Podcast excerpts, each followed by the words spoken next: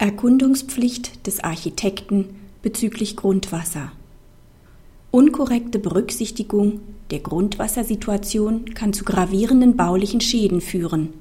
Deshalb bestehen hohe Sorgfaltspflichten des Architekten bei der Feststellung der Grundwassersituation. Der klagende Bauherr beauftragte den beklagten Architekten mit den Leistungsphasen 1 bis 8 des Paragraphen 15 Absatz 2 HOAI. Errichtet werden sollte eine Reihenhausanlage.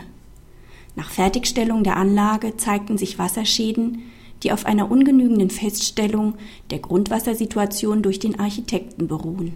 Denn der Architekt hatte nur eine Abdichtung des Kellers gegen Bodenfeuchtigkeit und nicht, wie es erforderlich gewesen wäre, gegen drückendes Wasser geplant. Der Architekt verteidigt sich mit dem Argument, dass er die von ihm angeforderten und ausgewerteten amtlichen Informationen über die im fraglichen Baugebiet gegebene Grundwassersituation richtig bewertet habe. Diese Auswertung bezog sich allerdings nur über einen Zeitraum von 20 Jahren. Der Bauherr macht geltend, dass eine Auswertung der Daten über einen Zeitraum von nur 20 Jahren nicht ausreicht. Das Oberlandesgericht Frankfurt am Main verurteilt den Architekten auf Schadensersatz. Es stellt fest, dass der Planung ein Grundwasserstand zugrunde zu legen ist, der die Gegebenheiten über die letzten 20 Jahre hinaus berücksichtigt.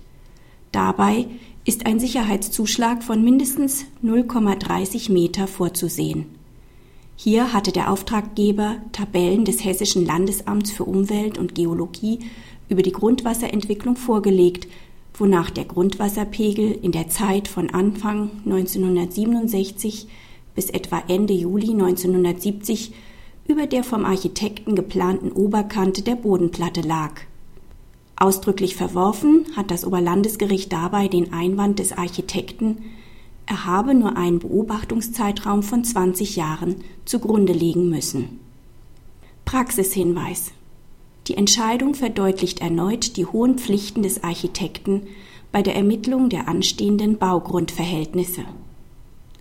Das Oberlandesgericht Düsseldorf hatte in einem ähnlichen Fall entschieden, dass sogar ein 65 Jahre zurückliegender Pegelstand berücksichtigt werden muss